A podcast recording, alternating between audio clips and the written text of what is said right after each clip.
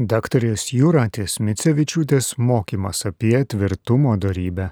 Kryžiaus Jonas, čia bus tas šventasis, kurį aš patarsiu skaityti, reiškia, kalbant apie susivaldymo darybę, jisai perspėja, kad apetitai, tai va tas troškimas, tas geismas, pomėgiai, padaro sielą iš esmės dviejopą žalą. Pirma, atima iš jos Dievo dvasę. Tiesiog užima vietą, užpildo sielą visais kitais dalykais, visokiais rūpeščiais, čia dėl maisto, dėl to, dėl ano. Ir Dievų nelieka vietos. Ir antras dalykas - vargindami sielą, kurioje gyvena, ją kankindami, aptemdydami, sutepdami, susilpnindami, sužeisdami. Nuvargina, nelieka energijos niekam daugiau, nes išsibarstai po visus tos dalykus ir tam, kas svarbu, tau jau nebelieka nei jėgų, nei laiko. Štai susivaldymas santykėje su pasauliu. Ir tada toliau čia iš kryžiaus Jono cituoju, iš kopimo į Karmelio kalną, juk taip prisirišusi siela, kuri prisiriša, įsikimba pasaulio, savaime suprantama negali tobulėti, kad ir koks menkas būtų tas netobulumas. Man tai primena paukštį pririštą arba plonų, arba storų siūlų. Net kad ir koks plonas siūlas būdamas, jis laikys pririšęs kaip ir storas, jeigu nebus nutrauktas kad paukštis galėtų skristi.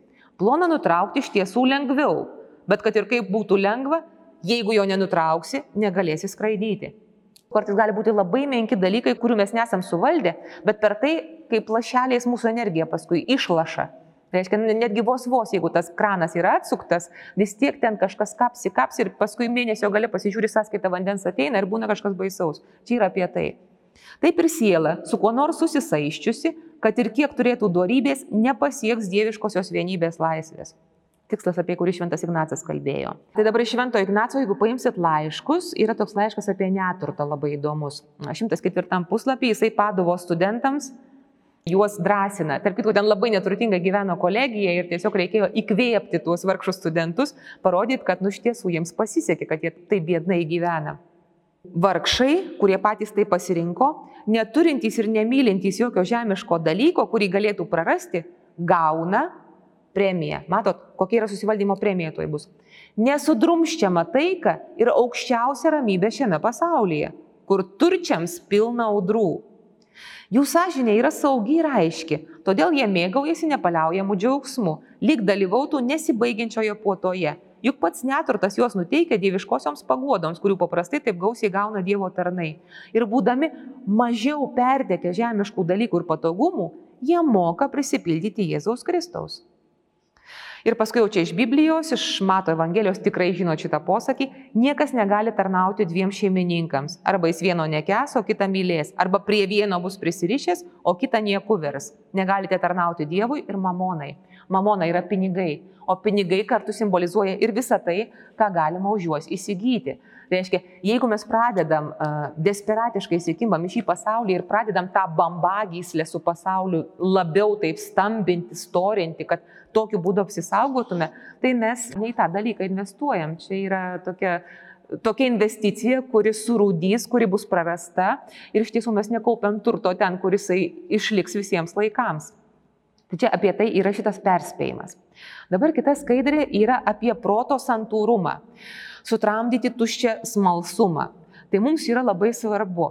Iš tiesų šitas dalykas, kai socialiniai tinklai suėda tiek laiko, aš nežinau, ar jums tai būna, bet kartais vad būna, ai čia užėsiu tik tai, va čia minutiai pasižiūrėti čia į tą, į tą Facebook, patikrinsiu, gal kas ką parašė, ar čia Instagramą, ten užeini minutiai, pasižiūri jau ir pusvalandį, tai dar gerai, jeigu pusvalandis, jeigu ne trys valandos.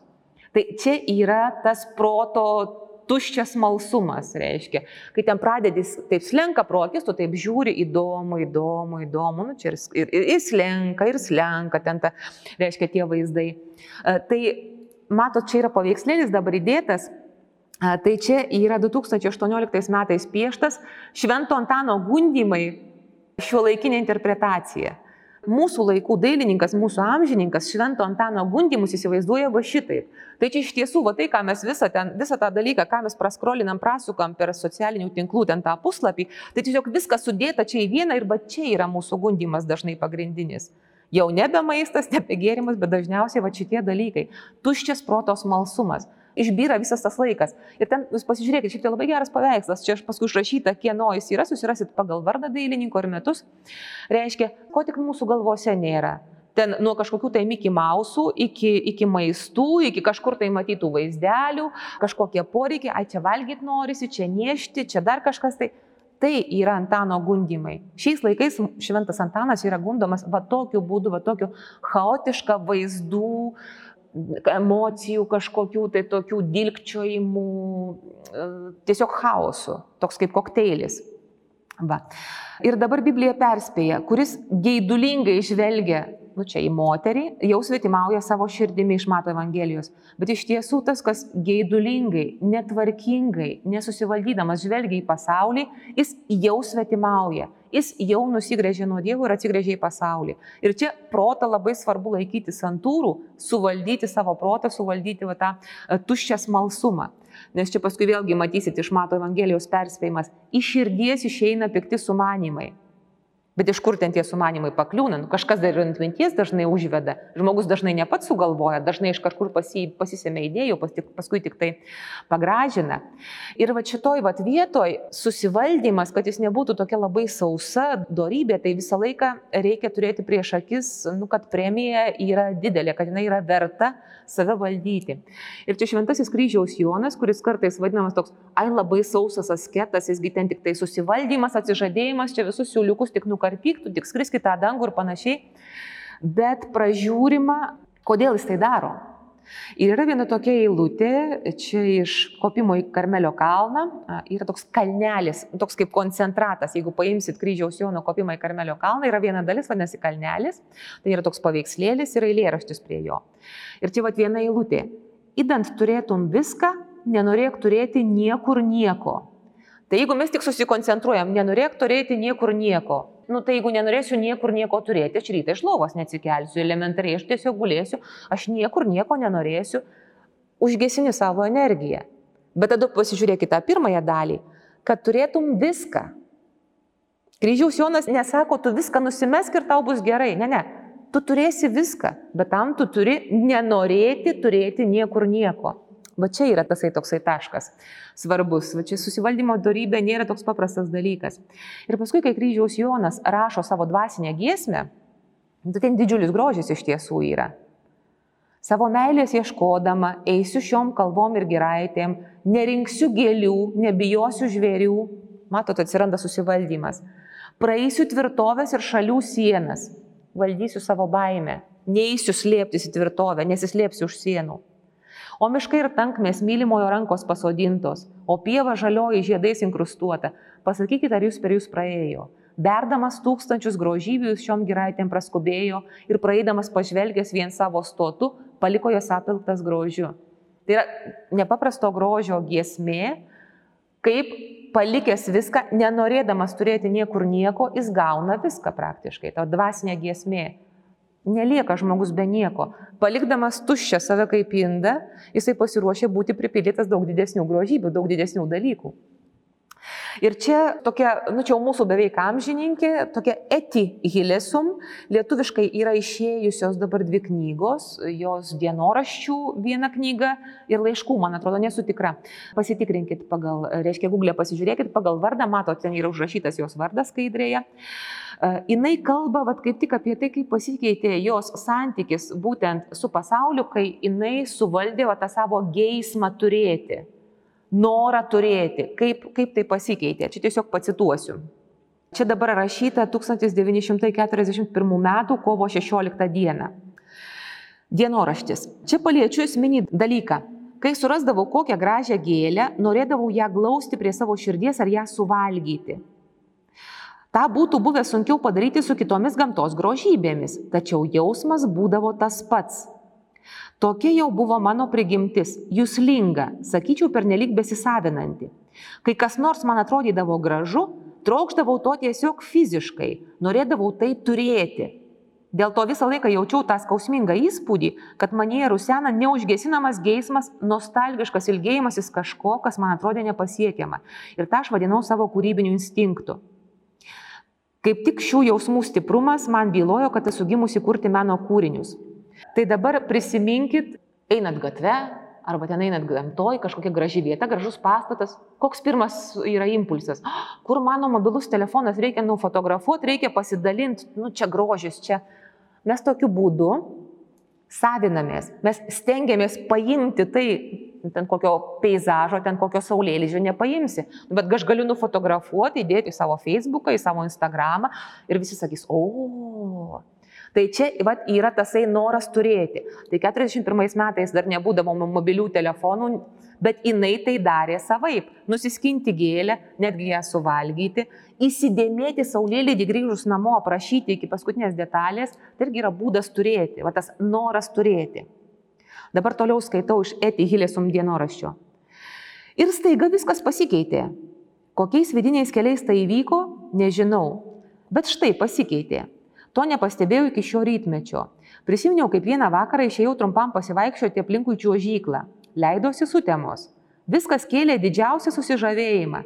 Švelnios dangaus spalvos, paslaptingi namų siluetai, medžiai, gyvūt gyvūtėliai. Išskleidė permatomų savo šakų tinklus. Gerai žinau, kaip į tokį vaizdą būčiau sureagavusi anksčiau. Bet dabar jaučiau šį grožį taip, kad net skaudėjo širdį. Grožis versdavo mane kentėti, nežinodavau, ką su juo daryti. Jausdavau poreikį rašyti, rašyti eilės, tačiau žodžiai neteidavo. Tuomet likdavau stovėti, it kokia pasiklydusi siela. Aš tiesiog apsirydavau peizažo grožiu ir tai mane vargindavo, išvaistydavau daugybę energijos. Tai buvo ne kas kita, tik tam tikras onanizmas. O aną vakarą priešingai reagavau visai kitokiu būdu. Skesdama džiaugsme ir nieko nepaisydama, apkabinau intuiciją Dievo sukurto pasaulio grožį, tačiau jis manęs jau nebevargino. Tai jau nebuvo egoistiškas mėgavimasis. Pasikeitė santykis. Čia dabar toks intimesnis liūdimas apie jos meilužį. Norėjau jį turėti, norėjau, kad jis būtų mano ir nekenčiau visų tų moterų, su kuriomis jis kalbėjosi, pavydėjau joms, ir gal netgi nesąmoningai galvojau, kasgi belieka man. Jaučiau, kad jis iš manęs išsprūsta. Kokie žmogiškai menki jausmai, tiesą sakant, ir labai žemi. Tačiau tik dabar tą suprantu. Taip pat man atrodo, kad suprantu, kodėl man taip reikia rašyti. Tai dar vienas būdas turėti, pasigauti ir sulaikyti dalykus savo žodžiais ir vaizdais. Juos tokiu būdu pasisavinti. Štai kuo iki šiol rėmėsi mano poreikis rašyti. Pasislėpti toli nuo visko ir visų, nešinai sukauptais lobiais, viską užsirašyti, sulaikyti savyje savo ir mėgautis tuo. Šitas apsėdimas turėti, nerandu geresnio apibūdinimo. Taip, jis mane ką tik paliko. Tūkstančiai mane rišusių saitų nutrūko. Kvepuoju laisvai, jaučiuosi tvirta ir visus dalykus kreipiu švytinti žvilgsnį. Dabar jau nieko nenoriu turėti, dabar esu laisva, nuo šiol viskas man priklauso ir tai yra nepriepiamas mano vidaus lobis. Jinai nebuvo skaičius kryžiaus Jono, bet jie kalba apie tą patį. Kad turėtum viską, nenorėk turėti niekur nieko. Išsivaduot va iš to geismo, to proto norėjimo. Dabar kita skaidrė, darna santykė su kitais, čia siejasi, kaip mato, tie dalykai, nes čia truputėlį kalbėjau ir apie tai, kaip Eti Hilesum kalbėjo apie savo santykį su mylimuoju. Turi būti pažabotos aistros jeigu jos nėra suvaldomos, tai jos santykius greuna. Bet jeigu jos yra suvaldytos, jos santykiai padeda statyti. Pavyzdžiui, maloningumas sutramdo atpildo troškimą. Mes jau nebenorim kerštauti, mes lengviau atleidžiam, jeigu mes suvaldom savo keršto troškimą. Romumas tramdo rūstybę, kuklumas tramdo puikybę, atsižadėjimas tramdo geismą. Tačiau tiesiog nenoriu prie kiekvienos iš jų, iš jų sustoti, nes čia labai ilgai užtruktumėm. Bet, kaip perspėja Jokūbas laiške, čia dabar bus citata iš ketvirtos skyrelio, geidžiate ir neturite, tuomet žudote. Pavydite ir negalite pasiekti, tuomet kovojate ir kariaujate. Jūs neturite, nes neprašote.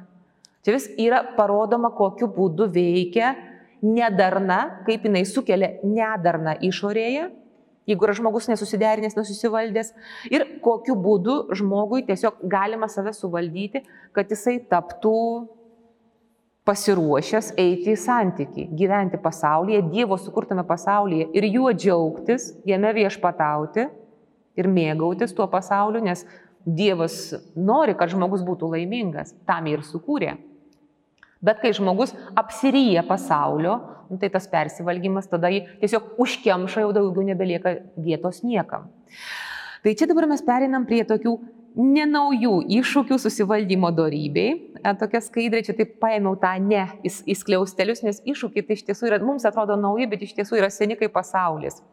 Ir tiesiog žmonės perlenkia skirtingais būdais, nes pavyzdžiui, 16 amžiuje, kai rašė kryžiaus Jonas, tai žmonės norėdavo dažnai vat, būti tokie šventi, kad pavyzdžiui, perlenkdavo su pasninkais per daug e, ribodavo maistą, per daug e, ribodavo drabužius, per daug ribodavo miegą, tiek, kad susigadindavo sveikatą. Bet tai čia irgi yra nesivaldymas iš tiesų. Ir pavyzdžiui, Šventas Ignacas jau ten paskui, kai prisimena savo tos tokius jaunystės perlenkimus, kaip jisai, jis toks labai ryštingas žmogus buvo, jis taip norėjo būti šventas, kad ten jisai ir prisibadavo, ten, ir ten žiemą vaikščio, ten, kad niekas nieko nesakytų, atrodo, kad vaikšto su batais, o ten padai buvo nukrapštyti tų batų. Iš tiesų jis basas vaikščiodavo, ten nemiegodavo, ten irgi ten dievui šantažą darydavo, tai aš dabar dievui nevalgysiu, kol tu čia man atsakymo neduosi ir panašiai ir paskui susigadino sveikatą. Ir jau kai buvo vyresnio amžiaus, brandesnio amžiaus, jau kai buvo įkurta Jėzaus draugija, tai jis ir pats savo dvasios e, dukterims, e, sūnums perspėdavo neperlenkti su pasninkais. Reikia valdyti netgi tą tokį neteisingą šventumo troškimą. Reiškia, nesibrauti alkūnėmis į dangų. Žmogus turi rūpinti savo kūnu, kuris jam yra Dievo duotas kaip įrankis. Čia Šventas Pranciškus sakydavo, sako, kūnas tai yra mano brolis asilas. Nebus asilo, neturėsi ant kojo, tai viskas aišku, jeigu tu asilą nukamuosi, nu viskas. Ir Šventas Ignacas irgi vienam laiškė rašo, sako, jeigu nustekensi arklį, tai paskui ten ne tik ant to arklio jot negalėsi, bet nu dar ir tą arklį turėsi ant savęs tempt. Sako, kūnu reikia rūpintis. Jeigu kūnas padeda darniai yra suderintas kaip instrumentas, padeda siekti tavo tikslo, jis yra gėris, turi juo rūpintis. Va ir Tomas Akvinėtis draugė su Šventu Jeronimu tvirtina, kad kas nori pasninkų ir naktinių būdėjimų pernelyg alinti savo kūną, tas aukoja pasigrobtą gėrį. Kūnas yra Dievo nuosavybė, mes negalim jo alinti, tai yra Dievo dovana mums. Tai reiškia neperlenkti, suvaldyti netgi tą tokį perdėtą norą šventumu pranokti ten patį šventai, e, šventai Petrą. Ir dabar e, mūsų laikais, čia 16 amžiai buvo ta pagunda, mūsų laikais turbūt mes e, nelinkstam per daug pasninkauti, mums turbūt šitas nelabai grėsia. Mums turbūt grėsia kiti dalykai, kaip tik tai lyguistas rūpestis, kiek ir ko valgyti bei gerti. Jūs pasižiūrėkit, kiek visokių herbolariumų yra pri, ten pridygę visuose kampuose, sveikas maistas, kad būtų ekologiškas. Taip, tai čia dabar, čia susi, man su, su piligrimais labai dažnai būna, bet pavyzdžiui, kai grupė važiuoja, tai iš karto ten manęs klausia, paklauskit, kas ką valgo, kas ko nevalgo. Nu ir su sąrašo eini. Aha. Taip, nevalgau kiaušinių ir pieno, bet ten duona valgau, mm, nevalgau glitimo, nevalgau krevečių, bet visas kitas jūrinės gerybės valgau. Aha, tada e, e, aš vegetaras, aš veganas, aš iš viso žaliai. Nu tai su sąrašu ir eini. Reiškia, perdėtas susirūpinimas, ką valgai, ko geri. Nu, jeigu sveikata neleidžia, alergija, viskas aišku. Bet jeigu žmogus tiesiog įsivaizduoja, gal aš net nežinau, save įtikina, kad taip rūpindamasi savo maistu, kad jis kažką tai gero savo daro, tai vėlgi e, turi būti viskas pasverta. Mes neturime išsiblaškyti, išsibarstyti tokiuose visokiuose keistuose rūpeščiuose. Tai čia šitoj vietoje šventas Tomas Akvinėtis kalbėtų apie toks minties abuojumas. Reiškia, hebetudo sensus, čia aš tiesiog įrašiau, kad irgi matytumėt, kaip rašoma latiniškai, kad jau ir 13 amžiuje apie tai buvo kalba. Reiškia, pernelyg lyguistas rūpinimasis tuo, kam užtektų daug mažesnio rūpeščio. Nes jeigu mes išeikvojam tą savo energiją, tą savo ribotus savo resursus, išnaudojam rūpintis tuo, kas yra mažiau svarbu, svarbiem dalykam nebelieka. Jeigu mūsų mintis abuoja, nu, čia sakydavo vienu metu, jeigu mes užsiciklinam, užsiblokuojam ant kažkokios tai smulkmenos, tai mes tada netenkam laisvės daryti didesnius dalykus. Čia apie tai yra. Tai va toks vienas yra iššūkis susivaldymo darybei. Jeigu tu esi fortepijono derintojas, nesėdėk tris dienas prie vienos stygos, nes tavęs keli šimtai tų stygų dar laukia, tu pažiūrėk, kiek suderinti reikia to fortepijono, tu ten vieną stygą krapštai ten penkias dienas. Negalima taip, tu neturi tiek laiko, tu neturi amžinybės. Tu turi ribotą skaičių dienų. Pamenat laikrodis ant galvos, ten kur buvo susivaldymo darybė, ne veltui pavaizduotas. Kitas dalykas, iššūkis, kuris mūsų laikais irgi yra labai aktuolus, tai yra va, tas vartojimo skatinimas. Iš Laudato Si pacituosiu iš enciklikos, čia bus 203 skyrelis. Nereikalingų pirkimų ir išlaidų verpetas, nenugalimas potraukis vartoti. Tokia paradigma priverčia žmonės patikėti, kad jie yra laisvi tol, kol išlaiko tariamą laisvę vartoti. Iš tiesų yra atvirkščiai. Laisvas nėra tas, kuris e, turi viską, ko nori. Laisvas tas, kuris mažiau nori. Kuo mažiau nori, tuo tu laisvesnis. Taip ir yra. Pagalvokit. Ne tas, kuris daug turi, bet tas, ką mažiau reikia. Tas yra laisvesnis. Toliau čia prie Pranciškaus grįžtų prie enciklikos. Tokioje sumaištyje postmodernioji žmonija dar nesurado naujos savivokos, kuria galėtų vadovautis. Todėl tapatybės stygių iš, išgyvena kupina baimės. Turime per daug priemonių mažiems ir varganiems siekiams. Pažiūrėkit, koks geras sakinys. Mes turime per daug priemonių mažiems ir varganiems siekiams. Sveikas maistas. Šimtai tūkstančiai parduotuvių dėl sveiko maisto. O kur didesni dalykai? Toliau cituoju iš Laudato Si. Žmogui tampant egocentrišku ir užsisklendžiant savyje auga ir jo godumas. Juo tuštesnė žmogaus širdis, juo labiau jam reikia pirkti, turėti ir vartoti daiktų. Tokiame kontekste regis neįmanoma pripažinti, kad tikrovė nustato ribas. Toliau. Vis dėlto ne viskas prarasta, nes žmonės, gebantys nusmukti iki žemiausios ribos, nepaisydami bet kokios jiems daromos psichologinės bei socialinės įtakos, taip pat gali save įveikti, apsigręžti, apsispręsti gėrio naudai ir atgimti save įveikti, susitvarkyti savo viduje, apsigręžti, tvirtai apsigręžti, čia yra tvirtumo sprendimas, apsispręsti gėrio naudai, protingumo darybė ir atgimti premiją. Nu va, čia iš laudatosi. Gyvensenos pakeitimas galėtų sąlygoti sveiką spaudimą tiems, kurie turi politinę, ekonominę ir socialinę galę pirkimas yra ne tik ekonominis, bet ir visada moralinis veiksmas. Čia jau popiežius Pranciškus parodo, kokiu būdu susivaldęs vienas žmogus savyje įvedęs tvarką, gali pradėti teisingai veikti pasaulyje, eiti į išorę. Čia yra apie tai. Ir dabar trečias, nebenaujas iššūkis yra geismo kurstimas. Šventas Tomas rašo, dėl prigimtinių geismų nusidedama nedaug, vieno žmogaus fantazijos paprastai nedaugam užtenka. Kas kita, dėl ko daugiausia nusidedama, yra geismo kurstimas, kurį prasimanė nederamas žmonių smalsumas. Tai dabar, kaip sakoma, nu, pereinam prie populiariausios nuodėmės - gašlumas.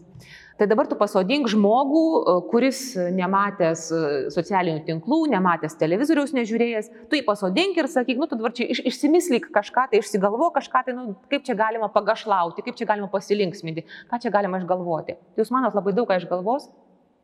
Bet jeigu pasižiūrėsi socialiniuose tinkluose, pasižiūrėsi pornografijos, pasižiūrėsi televizoriui, tai taip fantazija šauna į priekį. Tai čia yra geismų kurstimas.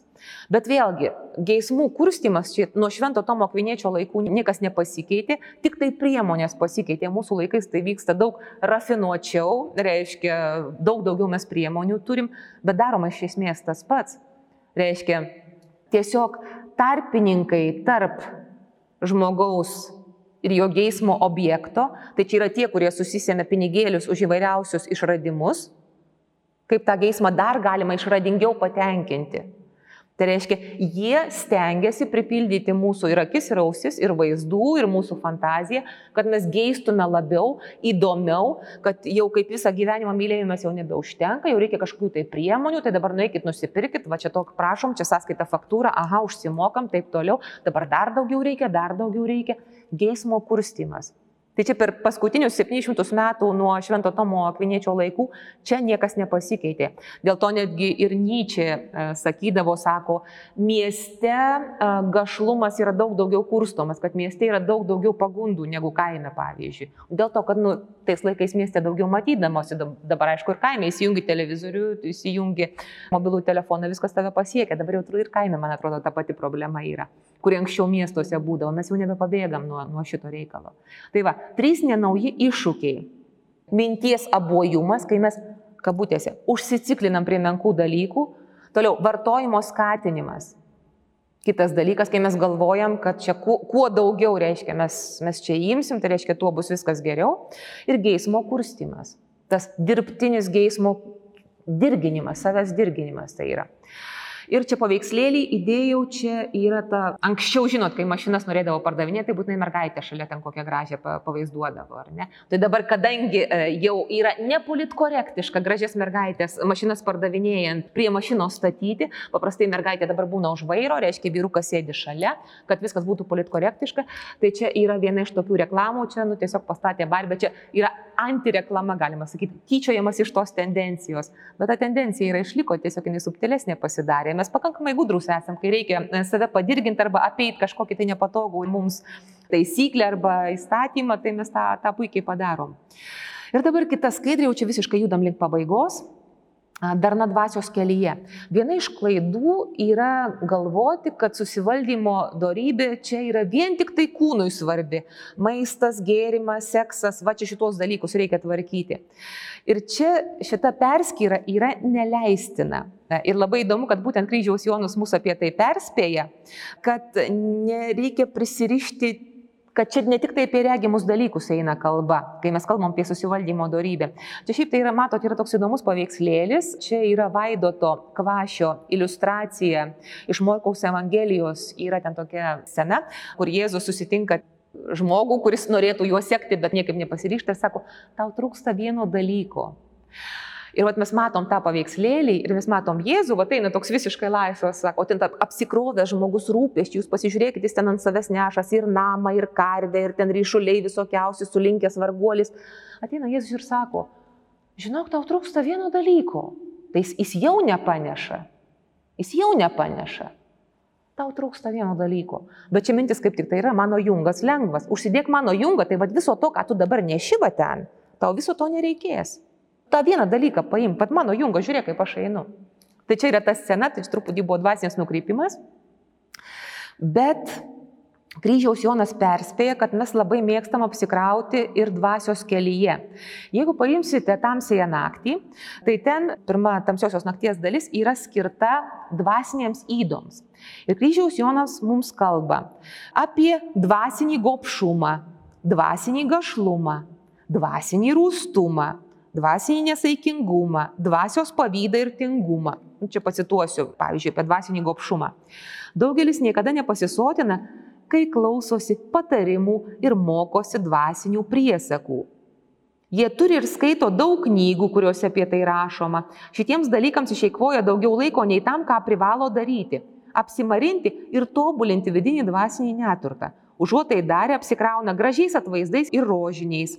Čia atideda vienus, čia ima kitus, čia jais apsikeičia, čia vėl atsikeičia. Tai nori vienokių, tai kitokių, pamėgdami labiau vieną kryžių negu kitą. Šitas gražesnis. Tai va čia tas dvasinis gopšumas ir taip apie kiekvieną įdą. Labai tokia nu, norėjau sakyti linksma, nu, bet iš tiesų tai nelinksmi dalykai. Rimti labai dalykai, bet toks labai geras skaitimas. Kad susivaldymas yra labai svarbus netgi einant va, dvasinio tobulėjimo keliu. Tos pagundos mus apsėda, mes esame pakankamai pagadinti, galima sakyti, kad ir einant dvasinio tobulėjimo keliu mus persekėtų tos pačios įdos. Susivaldymas yra svarbus ir santykyje dvasios kelyje.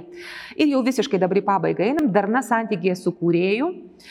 Čia yra, pacituosiu iš karto Šventą Teresę, Avilietė, iš tos dieviškos krūtinės, kuria atrodo Dievas visą laiką maitina sielą, ištrykšta pieno čiurkšlė ir pastiprina visus pilies gyventojus. Atrodo viešpats nori, kad ir jie šiek tiek pasidžiaugtų tą gausą, kuria džiaugiasi siela, kad išsilietų vandens rovė, kad palaikytų tuos, kas kūniškuose dalykuose turi patarnauti šiems dviem sužadėtiniams. Citatos pabaiga. Čia yra įdomus dalykas, nes Teresė Vilietė sako, kad teisingai suderinus dalykus, reiškia kūno dvasios dalykus nukreipus į viešpatį, iš turtingo dvasinio gyvenimo netgi ir kūnui kažkas tai sugrįžta. Reiškia, yra ėjimas dviem kryptimis. Geras dvasinis santykis, geras darna santykė su kūrėju išsilieja iki pat kūno. Čia yra kalbama apie žmogaus vientisumą, kad žmogus yra ir kūnas, ir dvasia kas vyksta kūne, atsiliepia dvasiai. Jeigu tarnas lėboja, jisai nebelaukia šeimininko, jisai pamiršta laukti šeimininko. Ir atvirkščiai, Jeigu tarnas laukia šeimininko, tas laukimas jam padeda susijimti ir neužauti, nelėbauti, nemušti kitų. Tie dalykai persipina, čia apie tai Teresė kalba. Tai, kas vyksta giliausioj buveiniai, žmogaus santykėje su kuriejų, išsilieja iki pat kūno. Dėl to sako, kad tiesiog švyti šventųjų kūnai, ten kvapas klinda. Nu, čia tiesiog iš tokių liudymų, jeigu paskaitysit šventųjų gyvenimo istorijas, matysit daug tokių liudymų, kad netgi kūne kažkaip matosi, kad žmogus gyvena darniai, kad jis yra darnoje su kūrėju. Ir pereina, čia toliau Teresė rašo, tikra tiesa, kad iš jai ten persiduodančios stiprybės šiek tiek pereina visiems esantiems pilyje. Pilis tai reiškia yra žmogus, netgi iki kūniškų dalykų sutvirtina žmogų. Proto santūrumas, sako Teresė, šioje jo buveinėje tik Dievas ir siela džiaugiasi vienas kitų didžiausioje tyloje. Nėra nieko, dėl ko galėtų brusdėti ar ko ieškoti protas, nes jis sukūręs viešpats nori, kad jis čia nurimtų ir pro mažą plyšelį žiūrėtų, kas dedasi. Proto santūrumas, netgi santykėje su Dievu, ne protas eina toliausiai, toliausiai eina meilė, protas nutiesia kelią. Tai čia paskaitysite pas šventą Teresę. Bet vėlgi, jeigu mes, pavyzdžiui, paimsim, čia toliau cituoju iš kryžiaus Jono, jo tą poemą Tamsioji naktis, kelias prasideda nuo mūsų geismų, mes negalim būti abuoji abejingi, nes jeigu mes nugesinam visiškai geismus, jeigu mes juos sunaikinam kaip stoikai, kaip ten tokie paviršiniai budistai, kurie nėra supratę irgi taip giliau budizmo esmės, tai tuomet mes prarandam savo žirgus, mes neturime ant ko išvažiuoti, mes rytą neatsikeliam. Tai jeigu mes paimsime kryžiaus Jono tamsėje naktį, tai mes pamatysim, kad e, geismai, tos aistros mūsų, kurios ten verda putojas, jos yra reikalingos. Nes būtent ant šitų aistrų mes išvažiuojame, čia yra mūsų žirgai. Tai e, pradedu, pacituosiu tiesiog pirmas tulpelis. Vieną tamsią naktį, troškuliu ir meilėm degdama, o sėkmė palaiminga, nepastebėta išėjau, namuose jau buvo stojusi tyla. Prasideda dvasios tobulėjimo kelias. Bet kaip jisai prasideda? Jisai neprasideda nuo geismų ir aistrų užgesinimo. Kryžiaus Jonas rašo, kaip tik tai troškuliu ir meilėm degdama. Ne tai, kad meilė, ten, oi, sakytum, čia Dievo meilė turbūt dega ta siela, jinai dėl to čia taip išeina. Ne, meilėm daugiskaita, daug tų meilių. Mūsų geismai mus išveda iš savęs kažkiek ir mes galim ant tų žirgų išvažiuoti, jeigu mes juos suvaldom. Tai čia tamsioji naktis, kaip tik tai kelias prasideda nuo mūsų tų Dievo duotų galių įgyvendinimo, bet jos turi būti darnios. Tai paskaitykit šitą poemą, nes ten tiesiog parodomas aštuoniuose stulpeliuose, aštuoniuose posmeliuose parodomas dvasios kelias iki pat premijos, o ta premija yra ramybė. Ant mano žydinčios krūtinės ją visą saugojau vien jam, siela sako mylimajam, ją visą saugojau vien jam, čia yra susivaldymo darybė, čia šitoj vietoje įeina. Ant jos jisai užmygo ir aš jį glamonėjau vėduoklės kedrų vėjo gaivoje. Tvirtovės kuorų vėjas, kaip laukus jam sklaidžiau, savo romę ranką man kaklą žaidė ir mano pojūčius visus apmaldė. Pasilikau ir užmiršau save, prisiglaudžiau prie mylimojo veido, nuščiuvo visą ir atidaviau save, savo rūpestį apleidau, į tarp lelyjų pamiršau. Tai kaip mato, čia mes turim ir tvirtovę, ir susivaldymą, ir premiją, kurią gauna žmogus, kurie gauna sielą, kai tos darybės yra išlavintos ir jas įgyvendina lengvai ir džiaugsmingai. Paskutinė skaidrė - darnos įgyvendinimas. Čia mes matom mergelė Marija gaunanti Angelo Gabrieliaus apreiškimą. Labai gražus berugėtės paveikslas. Drausmės ir susivaldymo darybė siekia išsaugoti Dievui žmogų sveiką ir nepažeistą. Čia iš Švento Augustino yra citata. Išsaugoti žmogų sveiką ir nepažeistą. Bet ne šiaip tiesiog išsaugoti, bet išsaugoti Dievui. Išsaugoti tam, kad žmogus atliktų savo misiją pasaulyje, kad jisai prasmingai gyventų, kad jisai atrastų savo gyvenimo prasme. Tai tiesiog primenu, kad darna yra susivaldymas santykiai. Ir čia pacituosiu. Sudaiktas išgyvenamas kaip santūrumas, ženklas, kad žmogus valdo daiktus, o ne atvirkščiai. Su kitais žmonėmis solidarumas su vargstančiais ir su kitu iš didžiosios raidės išmoko atrasti visiškai nesuinteresuoto garbinimo erdvę ir prasme. Čia citata tiesiog apmąstymui. Ir paskutinė skaidrė - rekomenduojami skaitymai. Tai kaip sakiau, patariu skaityti kryžiaus Joną, yra lietuviškai kopimas į Karmelio kalną išėjęs ir tamsioji naktis. Svarbus patarimas, jeigu nenorite išsigasti kryžiaus Jono, pradėkit skaityti nuo smulkiųjų raštų. Matot, kopimas į Karmelio kalną smulkiai raštai. Tai tai yra jo laiškai, perspėjimai vienuoliui ir kalnelis, va tie tokie trumpi kūrinukai. Pradėti nuo ten. Ir tada paskaityti tamsiosios nakties pirmąją dalį. Ir tik tada jau, jeigu matysit, kad, reiškia, užsikabinot, kad įdomu, kad, kad jums tai kalba, tada jau eiti prie kitų kūrinių. Nes kryžiaus Jonai, jeigu pradėsit nuo tos toros knygos kopimas į Karmelio kalną, gali išgazdinti truputėlį. Toliau, iš Biblijos patarimas skaityti patarlių knygą ir Siracido knygą. Ten tarp kitko labai linksmų dalykų, ten prisijuoksit jūs irgi prižadu, bus gerų tokių. Tiesiog turėkit galvoj, kad jeigu šita išmintis galioja jau 4000 metų arba nu 3000 metų ir Dievo įkvėptoj knygoje surašyta, tai va, ta, kartais yra tokia labai žmogiška išmintis, jinai gali būti mums naudinga. Ten yra daug apie susivaldymą, daug apie tai, kaip žmogui susitvarkyti savo namuose. Kad ne šuo šeimininką vestų, bet šeimininkas šunį kaip tai yra padaroma. Patarlių knyga ir Siracido knyga. Tada Ignacas Lojola laiškai, rinktinė, kai kuriuos citavau. Ir galiausiai Jozefo Piperio apie dorybės, ten labai daug apie skaistumą kalbama. Jeigu norėsit, paskaitykit, bet jis truputį nueina į detalės. Galva tą visumą šiek tiek praranda. Bet jeigu skaitysit Jozefą Piperį pasižiūrėję šitą filmuką, gal tada nesusisiaurinsit. Reiškia, labai gera informacija, labai gerų dalykų pasako, bet truputėlį klaidžiai kalba Piperis. Tai va tokie yra rekomenduojami skaitimai. Tai palinkėjimas, jau čia buvo paskutinė darybė, paskutinė ketvirtoji paskaita.